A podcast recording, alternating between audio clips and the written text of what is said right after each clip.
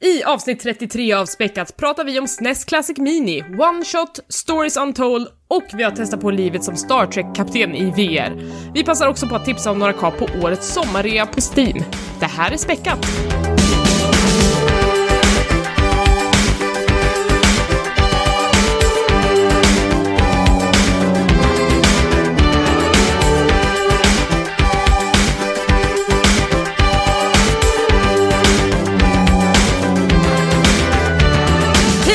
Välkomna till Späckat, en podcast om spel och allt runt omkring. Det här är avsnitt nummer 33. Jag heter Elisabeth och med mig har jag Niklas Hello! och Tommy. Hej! Hur mår ni? Berätta allt. Bra, men lite besviken. Jag trodde du skulle presentera mig för Niklas. Det har du alltid gjort, så jag har varit... Ja. Jag tänkte att jag skulle spicea upp det lite grann, Mm. men, men det var inte uppskattat. Här är späckat på topp just nu. Alltså.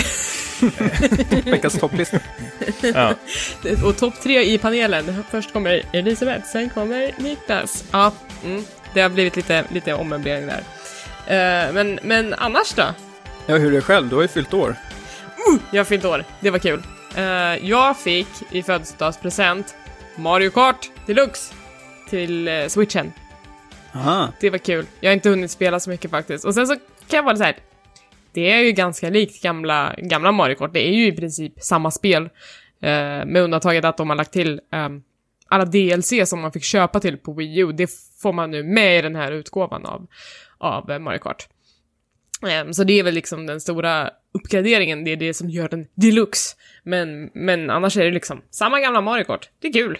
Eh, jag är lite för, för duktig för att spela mot min sambo, han får råpisk. Ehm, mm. Så jag måste hitta en riktig match. Kanske, kanske ni är sugna på att ställa upp? Ja, passa på nu innan han lämnar tillbaks det. jag fick också de här eh, knallgula joyconsen till switchen, så nu har jag fyra stycken.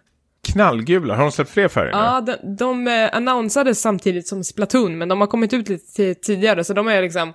Om, om eh, baskonsolen har liksom den här väldigt skarpa röda och blå som är nästan lite neonfärgade, så har det liksom kommit en uppsättning gula i samma starka färg. Eh, och de är asschyssta tillsammans på hyllan, tycker jag. Mm. Så det har varit eh, Härligt. ja, kul. Jag har också köpt en födelsedagspresent till mig själv som landade i lådan idag. Ehm, så i det paketet så låg det en artbook från Horizon Zero Dawn. Ehm, så den har jag suttit och bläddrat i lite grann nu på eftermiddagen. Nu har du nämnt alla presenter du har fått utom den du fick av oss. Det, ja, jag fick ett brädspel av er. kanske. Jag, jag fick ett brädspel av er, jag och Micke. Eh, och det Har har vi inte... Nej, det har vi inte gjort. Micke har eh, liksom eh, ställt upp det på köksbordet och gått igenom det och liksom lärt sig reglerna, men vi har inte Ställt fått upp det på vinden. ett... Nej. Sen våra andra presenter. Ja, exakt. Eh, Jesus Christ, nu får vi att se så himla himla elak ut. Eh, nej, men vi, vi har det på, liksom, på kön. Eh, av spelen som vi gärna vill testa. Det är ju så här, det heter Assault of the Giants och utspelar sig i Dungeons and Dragons universat. Mm. Eh, Mm. Ja, men det ser superspännande ut. Ett av många av de där Dungeons and Dragons-spelen. Mm. Ja, Det är väl typ 40 stycken det känns som. säkert. Det fick det bästa. Ja, det hoppas jag. Eh, tack så mycket. Ja, grattis Ja, efterskott. tack, Grattis. tack. Ja. Vad har ni haft för er? Eh, ja, för mig har det varit lite så här uh, toppar och dalar när det gäller tv-spel. Jag, jag känner att jag redan nu kan kora årets sämsta spel. Eh, och det är Friday the 13th, The Game. Oj! Det, det har alltså sjunkit sen förra avsnittet. Ja, jag inser nu så här i efterhand att vi var, lät ju ganska positiva. Vi pratade om det förra, för, förra avsnittet. Innovativt. Innovativt, dynamiskt. Eh, nu däremot, fy fan vilket skit. Fan Är vilket det dåligt sant? spel. Vad, vad har hänt? Eh, Jag tror, innan du förklarar så tror jag, jag var ju med vittnare när liksom Niklas gick in i väggen eh, här. Och det, det är första gången Niklas som är väldigt lugn person är, det, det var ju en helt mörk sida, jag fick en sån här rage quit skrik jag gick in i rollen som Jason skulle man kunna tro, men det var väl inte riktigt så kanske. ja men så här, det var ju, dels är det ju fortfarande as eh, segt att hitta matcher. Du sitter i en meny och väntar i en halv evighet. Sen hoppar du in, när du tror att matchen ska börja så hoppar du in i en ny meny eh, där du sitter och väntar, eller en ny sån här lobby. Så man är ju redan lite så irriterad när matchen börjar. Och jag hatar att spela Jason, den här mördaren. Och jag får ju såklart spela honom hela tiden, för jag inte hade fattat att man kunde liksom ställa bort, eller liksom välja bort den karaktären. Eh, och så, så är det ju alltså här att i regel så vinner ju Jason och dödar alla de här uh, ungdomarna. Men, Så det är lite obalanserat. ja, men inte den här gången. Inte när Niklas spelar Jason. Ja, eh, jag, jag dödade nog inte någon, eh, tror jag. Alla klarade sig när, vi, när du körde Niklas. Det var ju som snörpligast när polisen kom. Du kan ju berätta vad som hände då. Mm, man kan ju ringa polisen då som eh, ungdom och eh, få hjälp den vägen.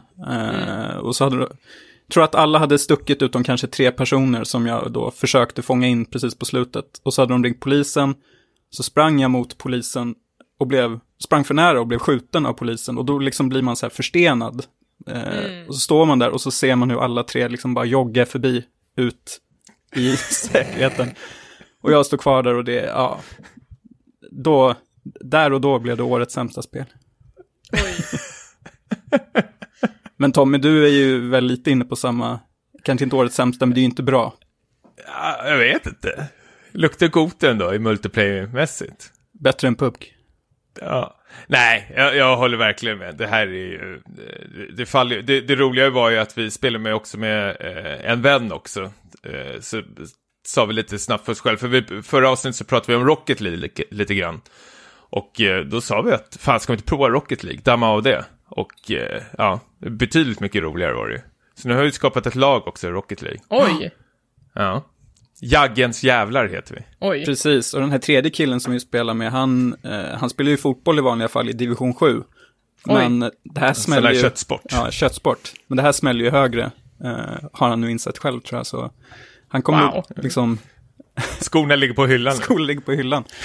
Kontrollen i Eh, handen. e- E-sporten trumfar köttsporten. Ja, alltså, Återigen. jag känner att om det är något jag skulle tävla i eh, när det gäller e-sport så är det Rocket League. Hybris direkt. som ni hör. Ja. We got. Jaggens Jävlar. Mm. Kan jag höra redan nu.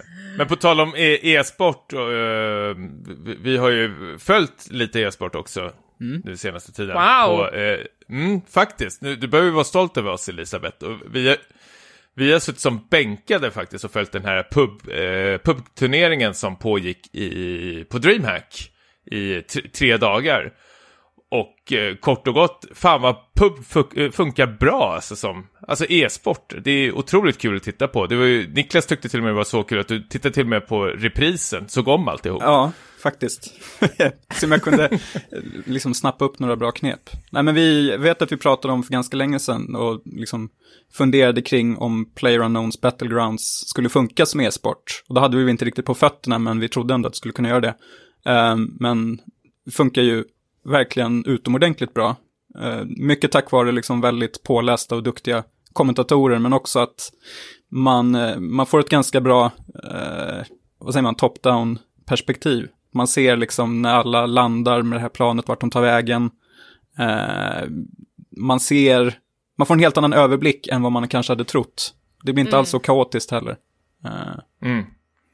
Visst, det är jättesvårt för de här kommentatorerna att välja ut bland de här hundra personerna i början vem de ska följa. Men självklart så har man ju lite små favoriter redan i början märkte man. Alltså folk som är otroligt duktiga och allting sånt där. Så det, det försvinner ju typ 50 spelare som man aldrig kommer eh, uh, hör, hör talas om resten av matchen. Men jag tycker ändå de är väldigt duktiga på att få en variation bland spelarna och hoppa runt och vad som händer. De har, får ju en snygg överblick och säga okej nu händer det någonting här borta. Mm. Men, men kan man liksom, ser man skillnad på så här spelarnas eh, skicklighet i PlayerUnknown's Battlegrounds? Finns det liksom en, en tydlig skillnad mellan så här bra och, och inte lika bra spelare? man märker ju verkligen så här, taktiskt hur folk eh, jobbar. Särskilt när den första cirkeln ska in så är det väldigt många som jobbar utanför den här eh, blåa zonen då, som kryper in. De låter den nä- nästan krypa in. Vi såg ju otroliga eh, nagelbitar när de liksom står utanför blåzonen i flera minuter och har bara liksom en fjärdedel av HPn kvar. F- om jag hade varit där så hade jag fått panik, men de här spelarna tog det otroligt lugnt, såg till att de dödade allting runt omkring sig, fixade någon bil på vägen, stannade upp, tog lite bandage. Och det, jag vet inte, det, det kändes som de kunde sitt skit liksom. Så då började vi spela PubG igen och eh, vi har ju bytt server nu och kör på den asiatiska servern. Som är lite, lite sämre, känns det som. där, där går Men, det tänk, bättre för oss i alla men tänk vad duktiga ni kommer vara sen när ni kommer tillbaka till den europeiska servern. Då har ni, ni som gått på bootcamp i Sydkorea. Mm. Ja, men det, jag tycker det var kul. Alltså, jag kör ju med eh, öppen voice chat, så för ibland kan man ju höra folk vart de är någonstans. Men nackdelen är ju det här eh, samlingsplatsen i början av spelet när alla hundra spelare samlas. Att det är liksom så här, okej nu samlar vi typ 80 stycken galningar som får bara skrika vad fan de vill. Medan på den asiatiska servern så hör man så här, Anjong, tje tje, ni hao. det, är så här, det är liksom 20 stycken asiatiska länder som liksom hälsar på varandra med sitt eget språk. Det låter så här, jättetrevligt. "Ah." Ja, ja, det var lite bättre stämning att, där. för jag, eh, såhär, första gången jag körde Player Unknowns och man kommer in i den där lobbyn och man bara hör alla idioter, så är det liksom någon 12-åring som skriker n-ordet. Jag bara stängde av skiten på en gång. Jag bara, jag vill inte ha med det här att göra. Mm. Nej, det är väl bara jag som har på det där ljudet. Så jag, jag brukar ju få skrika till sig. Jag hör, för ibland hör man ju när de sitter och pratar med varandra i voice-chatten. Mm. Okej, det är någon här i närheten. Så det kan ju hjälpa en. Men ja, tyvärr så hör man ju sånt där jävla skit också. Ja, mm. Är det, är det Game of the Year? Halvår in så ligger det ju väldigt bra till. För jag tänker att om vi ska göra samma upplägg på Game of the Year-listan i- vid årsskiftet som vi gjorde förra gången, så har ju det här potential att få mycket bra poäng från alla tre av oss. Mm.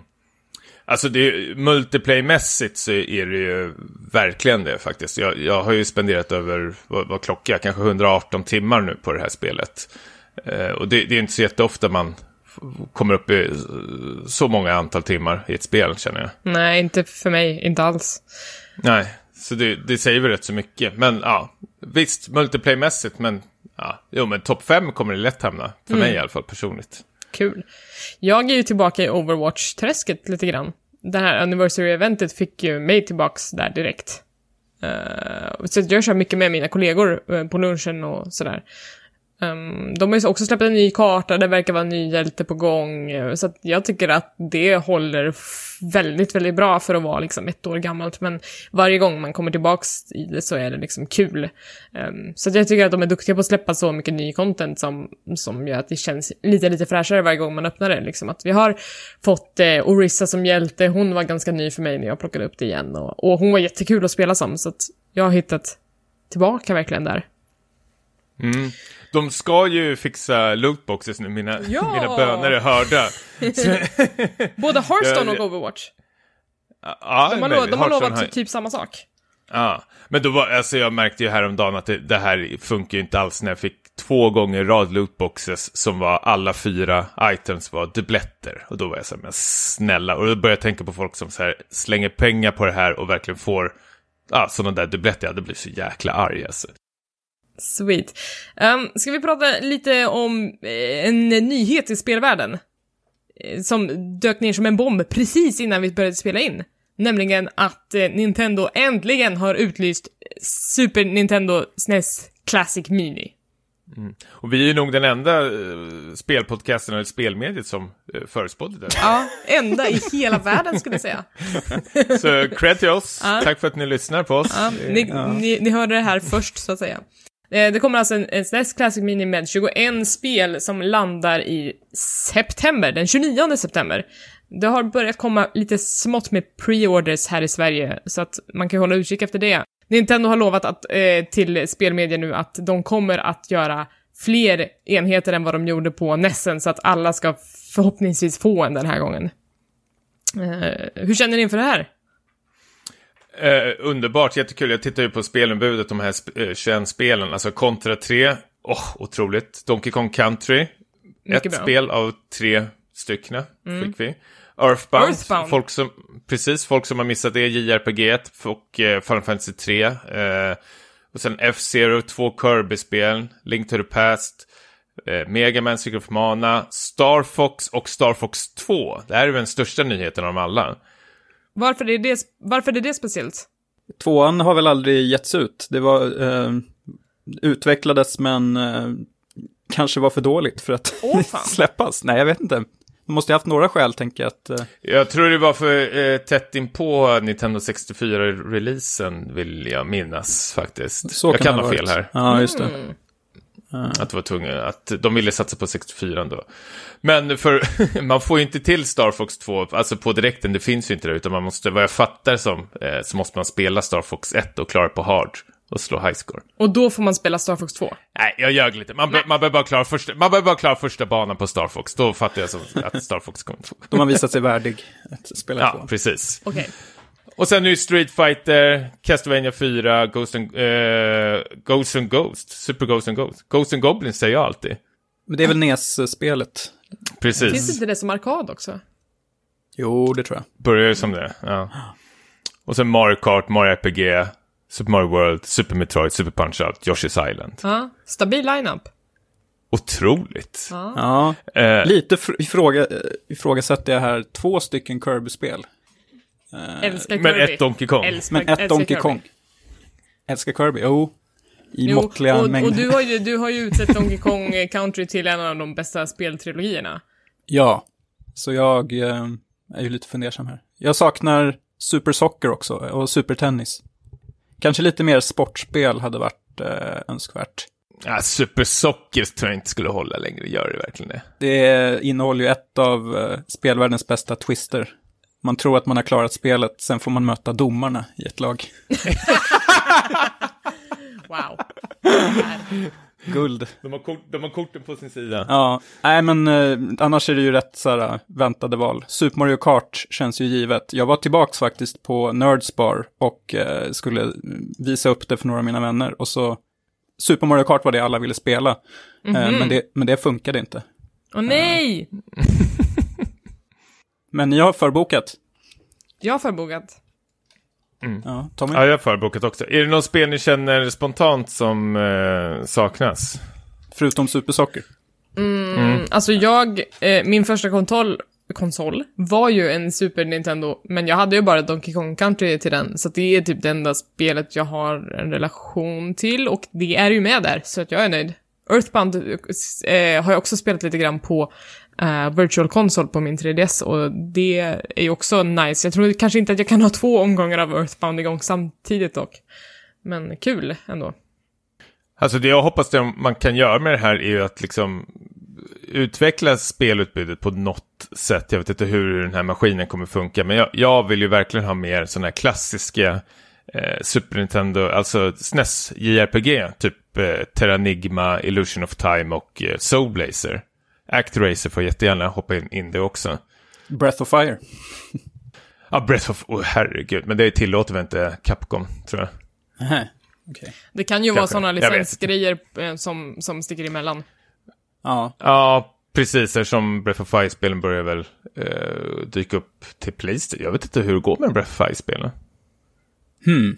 Hmm. Ja, Späckat spekulerar. ja nej, det är ju nästan bara Nintendos egna franchises nu. Förutom Mm. lite Konami-grejer och lite Square. Men när vi skaffade NES Classic Mini, alltså de spelen har vi ju liksom inte kommit igenom på något sätt, så att det är ju en ganska, det är en ganska matig line-up ändå. Kommer man få med två kontroller, eller en? Det ser ut att vara två kontroller på bilden. Två kontroller. Uff! För Så det är till, till, till NESen fick man ju bara en, och det var en för kort sladd till den. Men eh, man kunde beställa liksom till kontroller till den i alla fall. Det har vi gjort, så nu har vi faktiskt två till den. Men nu verkar det ingå eh, en extra kontroll för, för Super Nintendo. Det är bra. Men eh, då har ni ju två skitbra spel, eh, du och din sambo Elisabeth. Ni har ju Contra 3 och eh, Secret of eh, Mana. Som man kan spela tillsammans. Ja, ah, som är skitbra co-op-spel faktiskt. Så.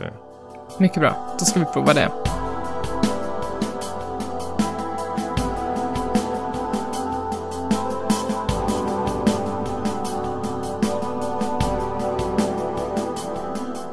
Trots att vi kanske inte har spelat så jättemycket så är det några spel vi ska prata om idag. Ehm, ska jag börja kanske? Do it. Ja, eh, jag har plockat upp ett spel som heter One Shot. jag blev tipsad om det för att jag tyckte om Undertale och det här spelet tangerar mycket av det som Undertale gjorde bra. One Shot kom ut i december förra året så det blev lite av en det blev liksom lite bortglömd bland alla Goti-poddar och så vidare. Att det, det, liksom, det fick inget riktigt genomslag när det kom. Um, så jag har först nu tagit mig tid att att faktiskt spela igenom det. Uh, det här är också liksom en pixel eh, top-down, ser, ser väldigt mycket ut liksom som ett vanligt, vanligt RPG uh, eh, i en liten fyrkantig skärm.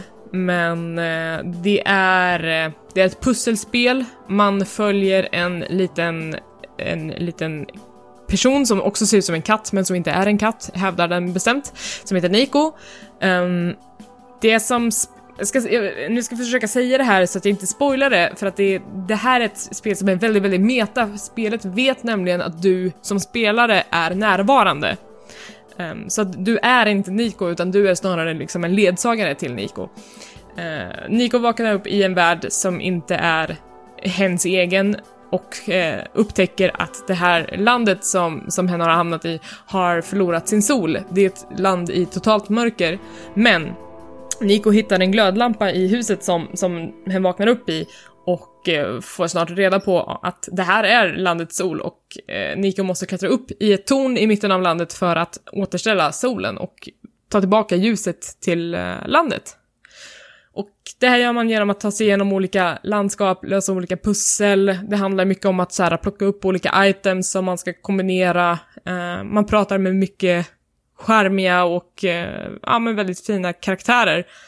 Ehm, så det är liksom inget våld eller något sånt där i det spelet. Och from time to time så adresserar spelet även dig som spelare och bryter den fjärde väggen väldigt, väldigt hårt. Um, så jag tyckte att det var, det är absolut inte Undertale, det är lite kortare, det är inte riktigt lika så här mm, genomgående finpolerat uh, som, som Undertale var, men fortfarande en, en värdig liten, uh, ja men den är värd att nämna i sammanhanget tycker jag. Men är det, är det lite som typ så Pony Island, att det eh, finns någon sorts här, kritik mot spel uh, klyschor och sånt? Eller är det bara liksom... Du är alltid ute Jag vill ha... Nej, det, jag skulle inte säga att det är meta på det sättet att det liksom kritiserar sig själv som medium, utan uh, det är snarare att du som spelare är mycket mer delaktig som dig själv i spelet, snarare än att du kontrollerar en karaktär. Um, så att ibland så ber spelet dig att leta efter ledtrådar eller, eller, eller liknande utanför spelet till exempel. Mm -hmm. Så att det är... Eh, tänka utanför äh, boxen. Ja, det är verkligen tänka utanför boxen vissa gånger. Äh, men det är inte, det är inte, det finns inget kritiskt eller vad man ska säga, något medvetet om spelet som medium, utan det är snarare en del av berättelsen som, som det vill berätta. Du, du nämnde lite snabbt att kombinera items med varandra för att lösa pussel och då börjar de här varningsklockorna för mig ringa. Är det sådana här, är det frustrerande pussel eller är det rätt så, alltså logiska eller vad man nu ska klara för? Jag det, att... Får du ett bra tempo i det? Jag tyckte att de var ganska logiska. Jag, jag kan också ha ganska så här kort tålamod för sådana saker och speciellt om det blir alldeles för mycket pussel. Men jag skulle säga att liksom varje, varje del av, eh, av världen som man kommer in i har liksom ett stort pussel du ska lösa och då är det, kan det vara liksom att du ska, den här hissen har tappat en knapp och du måste bygga en ny knapp, men, men eh, det, det kan du ske på, på lite kreativa sätt liksom. Och när du väl har byggt den här knappen till den här hissen, som du gör genom att hitta komponenter från en massa olika rum, eh, då kan du åka ner till nästa del, till exempel. Um, så det, det är mer så, och det är inte så här helt ologiska grejer, utan sakerna som du ska plocka upp, de ligger och blinkar på marken, så att det är inte så att du kan råka missa någonting. Men är det här, är det här något som skulle ha kanske tagits in på en topp 10-lista om du hade spelat det 2016, menar jag? Nej, jag tror inte det. Jag är ganska nöjd med de spelen jag hade där. Ja. Uh, men, men jag tycker ändå att det är så här, jag är glad att jag har spelat det. Dels för att jag vill uppmuntra de här små indiespelen, för att jag tror att det typ två personer som ligger bakom det. Um, och dels för att jag tycker om den här genren och hela den här undertaleska uh, sättet att berätta på. Det mm. behöver inte vara att spel inte behöver vara våldsamma. Att det finns liksom andra grejer man kan, man kan göra ett spel av. Det är väldigt många som har blivit berörda av, jag läst lite om det, berörda av den här story, storyn som berättas. Kände du samma sak? Eh, kanske inte så, det... så djupt berörd som vissa av de här fansen till det här spelet eh, okay. verkar ha varit, men den är absolut jätte, jättefin. Och mm. det finns saker att göra efter spelets slut, att du kan liksom få till någon slags new game plus där det händer nya grejer och dit har jag inte kommit än. Och jag vet inte om jag gör det eller om jag ska kolla på en Let's Play, men, uh, men det finns liksom ett djup i det här spelet. Okej, okay. på samma sätt som Undertale, att det uh, kanske ja, skulle kunna det, det kan sluta på ett annat sätt eller, eh, ja, det, det låses upp nya vägar. Men det här spelet är ju på rea just nu, jag tror det är på 50%, så att det är bra tid att slå till på det.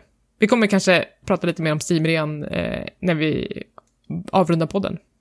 Jaså? Jaha, ja. Niklas, du har också spelat ett spel. Precis, också från Steam-rean. Uh, Stories Untold, som är uh, eh, man kan säga en återgång till det här eh, textbaserade äventyrsspelet. Att du som spelare tar del av en berättelse enbart i text. Eh, där du sen måste mata in rätt textkommandon för att kunna komma vidare. Eh, och det är väl en genre som hade sin storhetsperiod på typ ja, tidigt 80-tal kanske. Mm.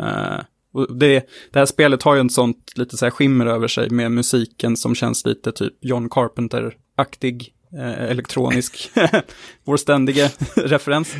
ja, verkligen. är det här John Carpenter eller inte? Ja, men så här, jag, tänk, jag tänkte så här, för, för det, om man ser till dels vignettmusiken och dels, eh, om man säger logotypen, så känns det snarare mer som Stranger Things. Eh, känns väldigt likt. Men det har ju i sin tur, häm i sin tur hämtat inspiration från ja, Carpenter och... Carpenter. Carpenter, så det är liksom där allt härstammar från.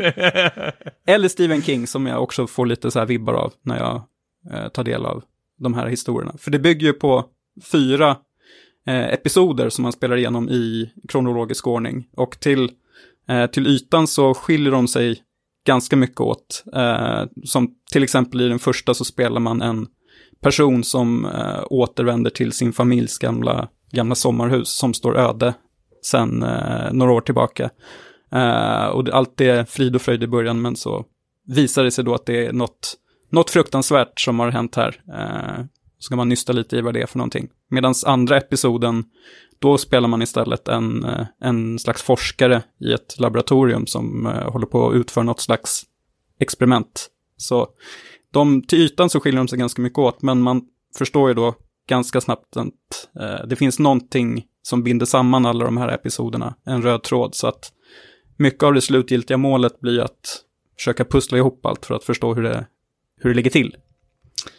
Eh, och det här med textbaserat, eh, ni är med på vad jag menar, att man skriver till exempel, eh, om det står så här, you, you, see a house in front of you eh, and a door. What do you do? Och så skriver man open door till exempel. Ja, och säger de. Ah. Nej, you need a key. Ah. Uh, look, uh, look under the carpet. There's a key there. John, John Carpenter. John Carpenter has the key. Play John Carpenter. Men, men är det liksom, för jag har inte kört så här supermycket sådana eh, såna spel, men är det liksom svårt att så här, luska ut vad det är man ska göra när man, när man ska ange de här kommandona? Ja, det är en av, eller kanske den största svagheten, att det är lite svårt att få grepp om själva syntaxen i spelet, hur man ska formulera sig för att spelet ska godkänna en svar och släppa vidare den. För det kan vara sådana här äh, små petitesser som att man står i, äh, i hallen och ser trappor och så skriver man uh, walk up the stairs. Och då säger spelet I don't understand what you mean. Men om man skriver go upstairs, då bara frid och fröjd hoppar man vidare uh, oh, uppåt. Och det, det tror jag att ganska många kommer bli frustrerade över och ge upp. Uh, jag känner mig ganska frustrerad så inledningsvis. För att spelet inte är så himla generöst med vad man får och inte får skriva för att komma vidare. Uh, men om man är lite envis och liksom kämpar på så, så är det ju liksom en sån här tröskel som man kommer över. Och man får lite tips också om hur man ungefär ska formulera sig för att uh, ta sig vidare i historien. Mm. Men jag tror inte att alla är lika tålmodiga som jag där. Um, man känner ju sig å andra sidan väldigt smart när man klurar ut att man ska skriva go upstairs. Så kommer man upp till. Men det är lite som det här uh, Her Story som var ganska uppmärksammat när det kom. Har ni kört det? Nej. Mm. Uh, för då ska man också sitta och, och knappa in lite olika uh, typer av så här, meningar och ord för att uh, luska i det mysteriet. Så det är lite, lite samma tänk, fast ändå inte. Um, men en annan svaghet också, spelet ganska omgående bryter sig loss lite från den här textbaserade formen eh, som jag gillar.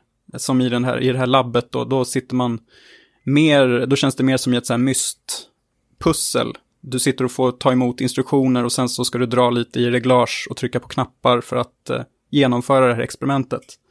Och sen senare så blir det lite av en så här walking simulator-känsla. Så det är, på ett sätt är det en styrka för att det blir inte så himla förutsägbart när de liksom skiftar lite genre så här. Men jag tycker att vissa, vissa delar är inte lika starka som andra om man säger så. Mm. Men du, du har spelat ut det här spelet? Ja. Det här tror jag att man, eh, om man är lite envis så kan man nog ta det på en sittning. För jag, eh, jag tycker ändå att helheten är bra och intressant. Det är lite som att, att vara med i en Stephen King-novell skulle jag kunna beskriva den som. Tycker man att det verkar spännande så... Och det skulle vara en av hans bättre då, inte någon av de här direkt till video. Golden years. Men du personligen, men du personligen liksom, är det bra? Ja, jag tycker det, jag tycker det är en rekommendation. Mm. Uh, med lite så här uh, förutsättning att man kan uh, ha tålamod med de här textbitarna. Men det är de yeah. jag i slutändan tycker är roligast. För det spelar man inte så himla ofta numera. Uh, och det är ett intressant sammanhang som de, som de bygger upp. De, de är duktiga på att bara med text och lite ljudeffekter kunna uh, skapa så en läskig stämning.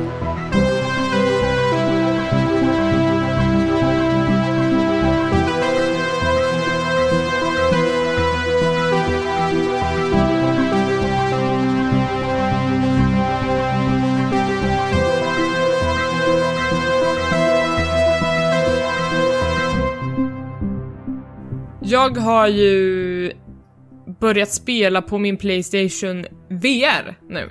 Så att jag är ju med i klubben Tommy.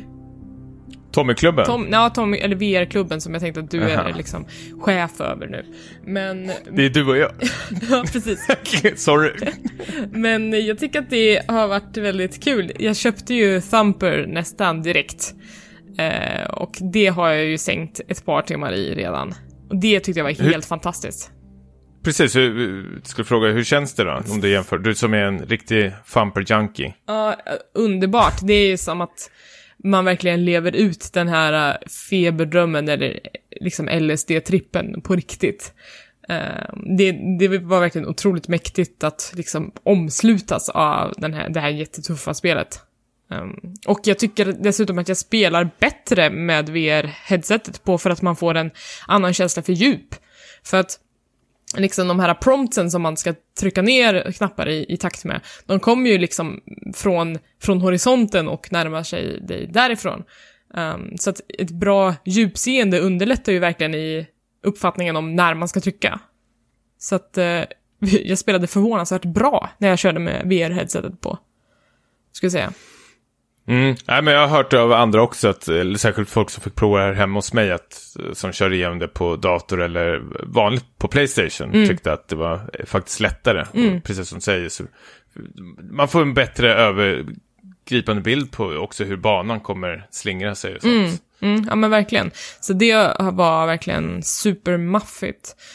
Um, minns... Kör du med feta hörlurar också? Ja, det har jag gjort. Jag har kört både med, och, med hörlurar och i högtalarsystemet. För att man vill inte såhär, sitta ensam hemma och så kommer någon hem och så sitter man där i hörlurar och, och vet inte vad som händer runt omkring. Uh, så jag vill gärna ha ljudet i högtalarna för att jag vill veta vad som händer i lägenheten runt mig. Ja, så det brinner, ja, men katten precis. har stekt lite fiskpinnar.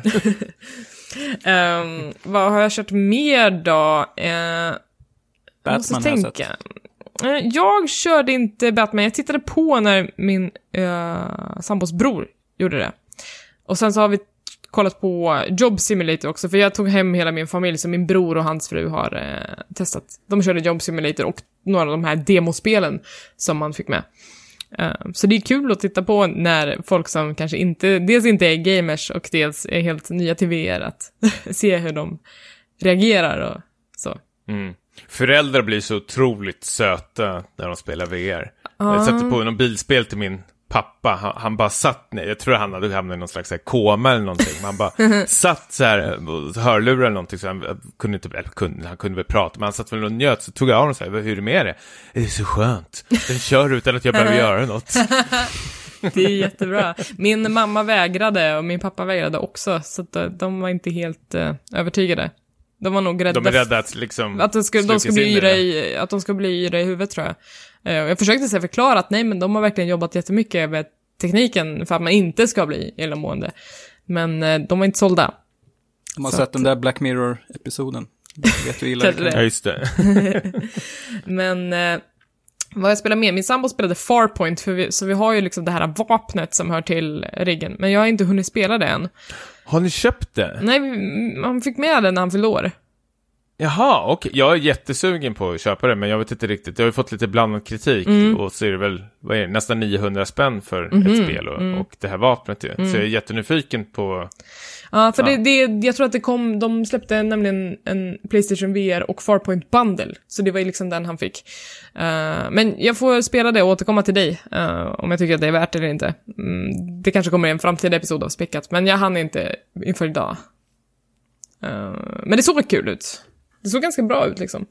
Um, och sen till slut uh, så har jag ju spelat det hyfsat nya Star Trek Bridge Crew. Nu får Trekkies leva upp till sin dröm, äntligen. Ja. Jag, Eller? jag är ju inte Trekkie, så jag kan inte liksom riktigt sätta betyg på hur bra det här uppfyller Star Trek-drömmen. Men min bror är Trekkie, så det var ju liksom lite därför vi bjöd in honom, för att han skulle kunna få liksom ge ett utlåtande. Men Star Trek Bridge Crew är ett spel där man spelar som besättning i ett rymdskepp som heter The Aegis. Man spelar som en av fyra roller. Det kan vara Captain, det kan vara Helm, Tactical och Engineer. Det tror jag är de fyra olika rollerna. Eh, och de har lite olika uppgifter. Eh, kaptenen ska ju då liksom delegera order och liksom samordna de tre andra. Eh, Helm sköter mer navigation, både i liksom när man ska röra sig på mikronivå, när man ska styra skeppet, eller om man ska liksom göra warp jumps till, till eh, lite mer avlägsna platser. Tactical jobbar mer med att eh, ja, men med vapen, avfyra någon slags eh, phaser och torpeder och sen så har vi eh, engineeren som sköter liksom, dirigerar eh, kraft eh, till de olika delarna av skeppet och sköter reparationer. Jag har inte spelat multiplayer än. Men jag det har man liksom... är nyfiken på. Nej. Ja, precis. Och det är liksom, jag är lite rädd för att spela multiplayer ibland, känns det som. Men, men eh, för där, där ska man ju liksom prata med varandra i voice chat, antar jag, för att få den mest ultimata upplevelsen. Men jag har tagit igenom tutorialen och ett av de första uppdragen, tror jag. Och jag som inte är trekkie tyckte att det liksom ändå var rätt coolt, för att man får en man får en bra känsla. Det känns verkligen som att man sitter där och är kapten eh, över sitt skepp. Och när man kör själv så kan man eh, ta över de då, tre AI-kompisarna som man har. Så att man är liksom kapten, men man kan när som helst ikläda sig rollen som helm eller tactical om man behöver göra liksom så här, eh, mikrojusteringar i vad de håller på med. Ehm. Men hur funkar det? Alltså du kan ge dem kommandon i alla fall ja. fast du spelar så? Ah, okay. Så att du kan liksom titta på till exempel den stora skärmen framför dig och säga där är vårt target, du kan markera det på en liten karta och sen så kan du ge kommandot vi ska engage the target eller vi ska analyze the target eller vi ska bara avoid the target eller åka närmare. Och då löser de det. Men kanske inte alltid på bästa sätt så att det är väl bra om det finns en människa egentligen på varje post. Uh, tänker jag. Men det var väldigt... Ja, men det var rätt mäktigt liksom. Det måste jag säga. Uh, nästa steg blir multiplayer nu då? Ja, men det, det kommer det absolut bli. Uh, för liksom hela, hela gameplayet utspelar sig egentligen på, på små skärmar framför dig. du som karaktär sitter ner i en stol hela tiden, men sen så jobbar du med att öppna och stänga olika skärmar framför dig, trycka på knappar och, och utföra kommandon. Eh, Så att det funkar ju verkligen i ett VR-perspektiv, men ibland så känner man nästan att man blir lite för stillasittande, så att man vill sträcka på sig i verkligheten och så blir det så här lite, eh, ja, det blir lite skevt i uppfattningen då. man sitter med benen i kors åt ett håll, men min karaktär sitter med benen i kors åt ett andra håll. Eh, ja, nej men, eh, Men vet du om det är några riktiga liksom, skådisar som har lånat ut sina röster? Svårt att säga om man inte är nej, nej, jag kan inte svara på det. Uh, har faktiskt ingen koll. Jag vet att såhär, det första uppdraget man kör är tydligen något sånt här ikoniskt Star Trek-uppdrag för att eh, jag förlorade. Uh, jag skulle rädda ett skepp med massa, massa människor som var strandsatta i rymden och blev anfallna av fienden. Och, och så förlorade jag och så, och så sa jag det till Micke, jag bara ah, fan jag förlorade, det gick inget bra alls. Han bara nej, det finns bara en person som har klarat den här simulationen och det är Captain Kirk. Man bara, okej, jag trodde att du skulle säga typ en sydkorean som, som har nördat det här spelet i jättelänge, men okej. Kap Kapten... Krok? Kirk! Ja, Krok. Kirk menar jag. Ja. Eh, så, så det är liksom en, är man, är man tricky så tar man den referensen och tycker att det är tufft att man spelade just den simulationen. Men jag är såhär, ah, jag vann inte, hallå. Men det var ett kul spel som jag verkligen tycker funkar som VR. Skulle du vilja att jag och Niklas spelade tillsammans med dig så Ja. skulle kunna skälla på oss ännu mer? Ja, det, Ännu mer. det skulle vara mysigt. Ännu mer. ja, men om du, du hade ju fått tag i kaptenrollen, vad hade jag passat bäst som? Ehm, jag skulle nog, ska sätta dig som liksom, eh, på vapenarmadan. Ja, sjukt glad är jag. Ja. Niklas, Eh, du, men Niklas skulle kunna vara liksom the engineer som bara... diskare. Nej men the engineer, och sen så när, när, när, när Tommy går för mycket överstyr så kan, så kan Niklas bara dra bort så här, kraft ifrån alla vapen så att du bara inte kan göra någonting.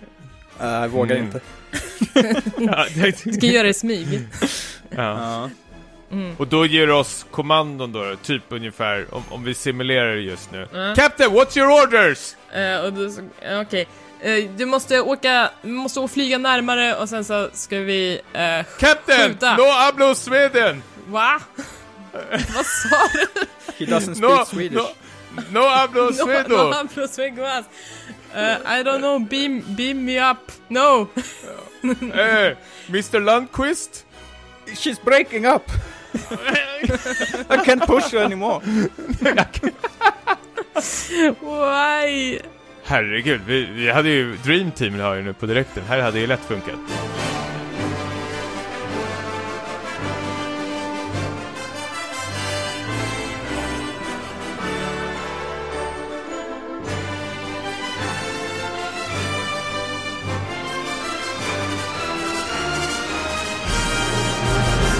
Hörni, vi börjar närma oss slutet av avsnittet, men vi måste ju adressera någonting som, som händer nu i dagarna och det är ju att det är dags för Steams årliga sommarrea.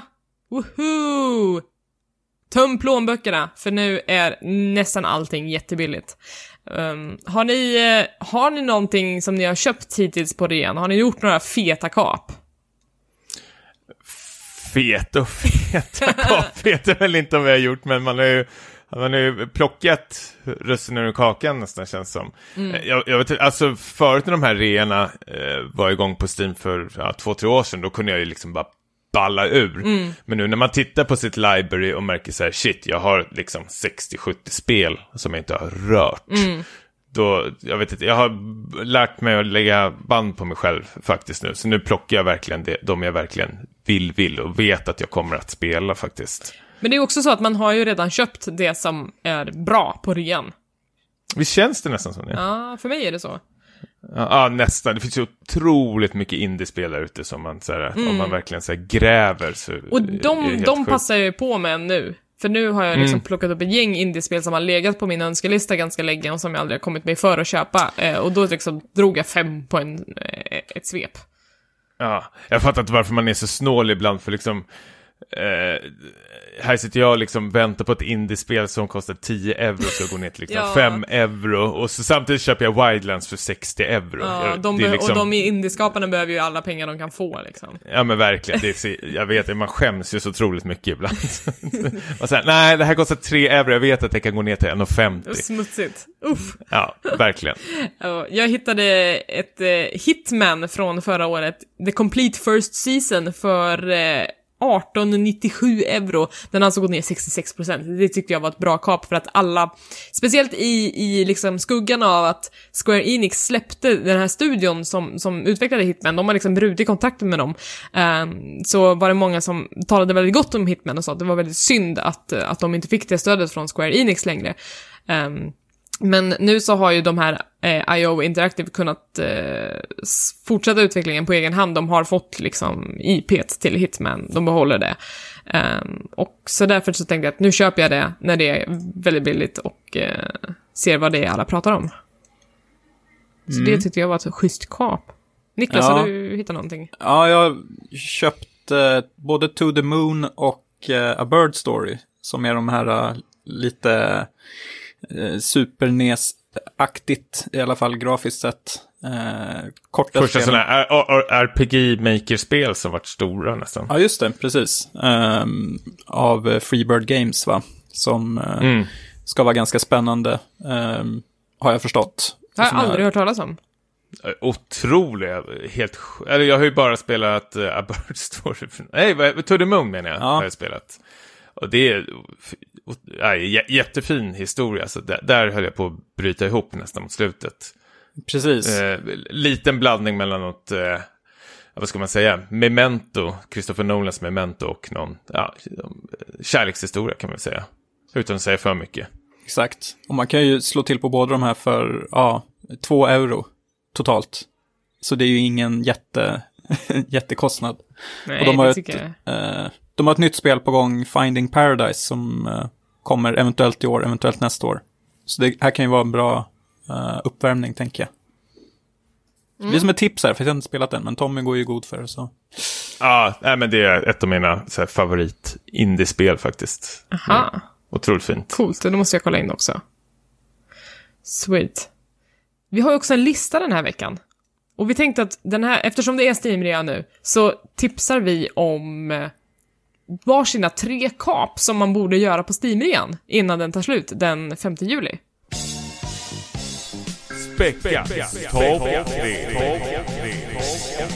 Ja, jag skulle vilja gå i bråd för Orwell. Känner ni till det här? Jag vet inte om jag uttalar det rätt. Orwell. Nej, jag Orwell, vet inte ja. vad det är. Ja, men det är någon slags här, dystopiskt eh, Big Brother-spel. Eh, påminner väl lite om, eh, kommer ni ihåg det här spelet Papers, Please? Ja. Där man ska göra lite sådana här, äh, ja, sådana här omoraliska beslut. Men du spelar någon slags sån här, ja, för, för en regering då var den här, den här fiktiva världen har liksom utsätts för terrordåd och då ska ju du som Big Brother med hjälp av den här övervakningskameran liksom analysera de här människorna som går förbi och liksom eh, hacka sig in på deras mail och deras sms-konversation och kolla om de har varit kopplade till någonting och liksom eh, Samtidigt har du ju en arbetsledare som liksom kräver väldigt mycket av en och så ska du liksom snabbt lägga fram de här eh, bevisen. Och då är det, är det såklart att ibland kan man ju sätta dit någon eh, oskyldig eller skyldig, det beror på hur man ser det, men att man liksom spelar för liksom något, ja, det här, eh, vad, vad kan man säga, de här stora maktmänniskorna liksom, som liksom är emot, eh, ja, sån här revolution och demonstration och allting sånt där. Så det känns politiskt, lite det här. Ja, och det är, jag har inte spelat igenom hela det här, men det är liksom, redan nu får jag en känsla att det är lite så här smutsgöra man gör faktiskt. Man sätter ju dit människor som liksom gö- gör någonting för the better good, men eftersom man jobbar åt regeringen så, ja, gäller det att leverera. ja, men det är li- lite som, exakt som det här Papers, Please, eh, som också var så här asjobbigt att spela. Typ så nej tyvärr, ni kan inte komma in i det här landet för bla bla bla bla bla. Och jag måste ha min provision. Ja, precis. Det, det är ju det där att, ja, de här små moraliska dilemmana man eh, utsätts för hela tiden. Så det re- rekommenderar jag verkligen. Vä- Väldigt, alltså det är ju väldigt mycket läsa spel faktiskt, att du ska kolla igenom. Eh, läsa mejl och allting sådär. Men det är väldigt snyggt och komprimerat faktiskt. Hur mycket rea? Ja, 50 procent, vad säger du om den då? Sweet. Det tycker jag. Ja, kostar inte så jättemycket, över 5 euro någonstans där, plus minus. Ja. Mm. Bra. Vad har du mer? Eh, sen skulle jag vilja gå i bräsch för Always Sometimes Monsters. Det här har ju du spelat Elisabeth. Ja, eh, några timmar har jag lagt på det. Precis, jag varit ju introducerad av det från eh, en vän som någon slags här persona light. Det är väl någon slags... Eh, ja, vi pratade ju om den här studion i förra avsnittet. Det är väl Devolver som har... Eh, Nej, de är, ja, de är bara utgivare. ah, precis. Vagabond Dog som Mm. har gjort det då. Som är någon slags, ja, vad ska man säga, pixel eh, social eh, RPG, ska vi säga. Mm. För lätt förklara. Det har jag inte hunnit, men det ska ju vara otroligt bra och väldigt charmigt ser det ut det jag har tittat på faktiskt. Jag ska säga att det är mycket mörker i det också, för att du, du ska ju försöka hanka dig fram som svältande författare och liksom försöka ha någonstans att bo, för att jag tror att det börjar med att du blir vräkt och att du får sova i en gränd någonstans. Så att det, det är liksom ganska, eh, det är väldigt, väldigt eh, tungt och nära verkligheten. Det finns ingen så här pixelskimrande tv-spelsfantasi över det, utan det är verkligen eh, gri- gritty, urban, ja. Ja, ja, men det är någon slags här Ja, diskbänksrealism nästan för svenskt lag. Mm. Och det är ja, 80% rabatt, så det kostar liksom 2 euro nu när Oj. jag pratar om det. Så det är, ja, Ja. det är bara att klippa till på det. Ja men verkligen. Faktiskt. Håller jag med om. Och slutligen, Slutligen är faktiskt spel som jag ser mest framåt. Det är eh, Detention. Känner ni till det här? nej? Det är skräckspelet? ett, eh, precis, ett skräckspel från Taiwan faktiskt. Och de här taiwanesiska liksom, skaparna är otroligt glada över alla de här positiva reaktionerna som har kommit över spelet. Men liksom, det som gör det så intressant är att det utspelar sig eh, i Taiwan på liksom, ja, vad heter det, under 50-60-talet när de hade den här eh, Åh, vad jag tappade det där namnet nu igen. Det var väl någon slags så här white noise tänkte jag säga att det hette. Det hette någonting. Det är under den här martial law-perioden i alla fall. Alltså att när eh, regeringen kontrollerade vad liksom människorna, eh, folket fick liksom så läsa och och liksom eh, ta inför nyheter och sånt där. Att det var väldigt mycket censur i landet. Och att det var helt plötsligt så liksom försvann det, man vet fortfarande inte idag liksom om det försvann liksom 18 000 eller 50 000 människor i Taiwan. Oj. Och det har liksom så här, bara regeringen liksom mörklagt och då har de gjort någon slags så här, spökskräckhistoria som utspelar sig under det här, äh, ja en del, alltså det här höll ju på skitlänge i Taiwan, det var liksom från 50 till 80-talet, men det är liksom mitt i själva skiten då, kan man väl säga. Vad Eh, spännande. Så det, ja, det ser jag verkligen eh, fram emot. Och det är väl, eh, inte heller, det är väl 8 euro kostar det, 30% rea eller någonting sånt där. Så det tycker jag verkligen, det är ett nytt spel också. Det kommer i år. Vad spännande, då var det några spel som jag inte hade hört talas om som jag ska kolla upp. Verkligen. Ja, kul. Niklas, vad är det för någonting? Eh, jag kör på lite mer säkra kort här. Eh, Limbo. Eh, har man inte spelat det så är det väl dags nu när det bara kostar 2 euro. Alltså Playdeads, de som gjorde Inside, den här hyllade eh, 2D-plattformsäventyrsspelet. Eh, de slog igenom då med Limbo det här lite gråa, svart, svartvita äventyret som är ganska makabert faktiskt. Man spelar den här lilla pojken som eh, förmodligen är i någon sorts limbovärld eh, mellan Mm. död och levande. Eh, dansk ångest. Som, bra. eh, Mycket centropa. ja, precis. Von Trier hade varit pleased. eh, så det är eh, ett tips. Eh, Ja. Sen svensk ångest i form av Hotline Miami. Eller ångest. Ultravåld kanske snarare. Eh, och då skulle jag, jag slår ihop ettan och tvåan där, för jag tycker de passar bra ihop. Och det kostar ju trots allt bara 5 euro. Eh, och det är då eh, Denaton Games, eh, vad kan man säga, det, den föddes ju lite ur den här Drive-vågen som följde efter den här filmen av, också en dansk, Nico, Nicolas Winding Refner. just det. Eh, så det här var ju, eh, spelet, Hotline Miami var väl det spelet som fick mig att eh, ja, upptäcka indie-världen. Väldigt kompromisslöst, otroligt våldsamt, eh, sjukt bra soundtrack. Eh, Ja, vi har ju Carpenter där också. Carpenter är väl med på ett hörn. Sjuka speedruns i det spelet. har jag sett. Ja, det, Ah, är, det har jag fan inte. Det, Ja, nu vart jag jättenyfiken Den kommer på ibland på Games Done Quick-racerna och det är ju dags för det snart igen också. det. Mm. Jävlar vad bra det är det spelet alltså. Mm. Eller, båda två. och slutligen, lite otippat kanske, men allra första Far Cry finns för 3 euro. Eh, eh, som jag älskade när det begav sig. Jag vet inte hur pass många som eh, faktiskt har spelat det första spelet nu när den här serien är så ofantligt stor eh, och femman på ingång. Eh, för det här, eh, det var, jag, jag tyckte det kändes ganska nytt och fräscht när det kom, för det utspelar sig i den här eh, djungelvärlden. Eh, kändes ganska fritt för att vara ett eh, first person shooter och så hade det ju någon typ av så här eh, monstervarelser i den här djungeln som sprang efter den, så det var ju sjukt läskigt också. Men det har de gått ifrån lite i de senare delarna, känns det som. När Ubisoft tog över. Så. Ubisoft tog över och ja, omformade allting. Men håller det fortfarande idag? Det vågar jag inte lova att det gör, men Men din dator håller för det i alla fall. Jag kommer ihåg när det kom ut så var det så här, du måste köpa en dator som kostar mass. ja, precis. Jag, Mass.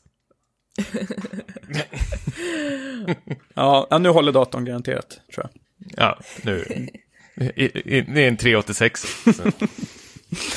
Så. Yes, Elisabeth. Bra kap. Eh, jag har också liksom, eh, in, inte så mycket indie, men det här är liksom stadiga spel som är väldigt billiga just nu. Um, jag tänkte jag börjar med eh, Paradox Interactive utgivna City Skylines. Eh, stadsbyggarspelet som lite tog över kronan efter SimCity. Eh, det hade ju kommit några inte så bra SimCity-spel och sen så kommer liksom City Skylines och gör det hela stadsbyggargenren bra igen. Eh, 75 7,49 euro kostar det och det är ett sånt där spel som man verkligen bara kan drämma ner hur många timmar som helst i. Väldigt, väldigt roligt. Um, så det är mitt första tips. Uh, sen så har vi också Tales from the Borderlands.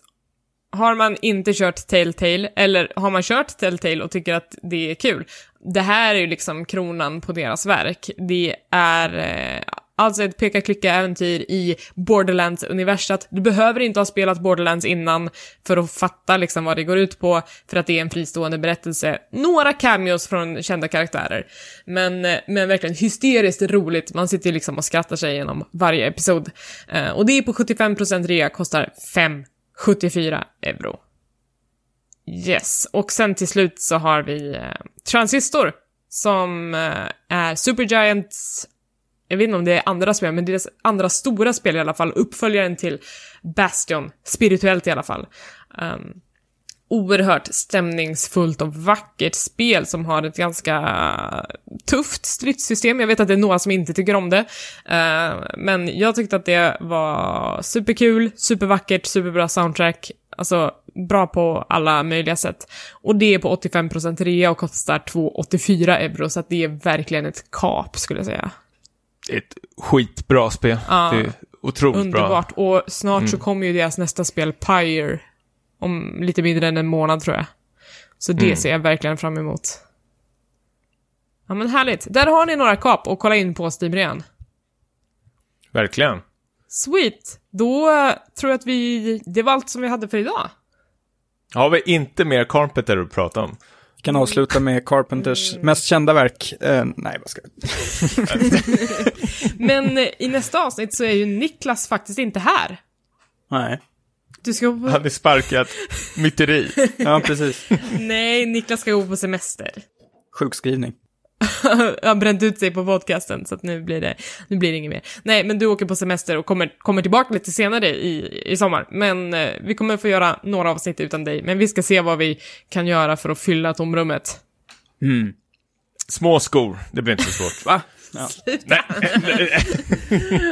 Tommy, så här, om ni har frågor eller funderingar så kan man skriva till oss på späckatpodcast.gmail.com eller späckatpodd på Instagram eller späckat på Twitter.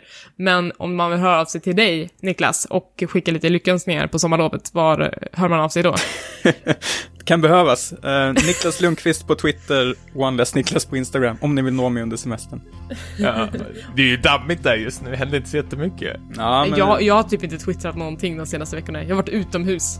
Kan ni tänka er? Tommy, vart når man dig? Eh, Twitter Tommy understreck Jansson och Instagram Stimpas. Och jag finns på Hangry Eli på Twitter och Hangry Spice på Instagram. Eh, som vanligt, tack så mycket för att ni lyssnar. Lägg en liten stjärna på iTunes om ni tycker att vi är bra. Eh, och sen så hörs vi igen om två veckor. Subscribe this, like this. Like and subscribe. Comment, like, subscribe. Subscribe, like. Follow us on Twitter. Like, Subscribe, like.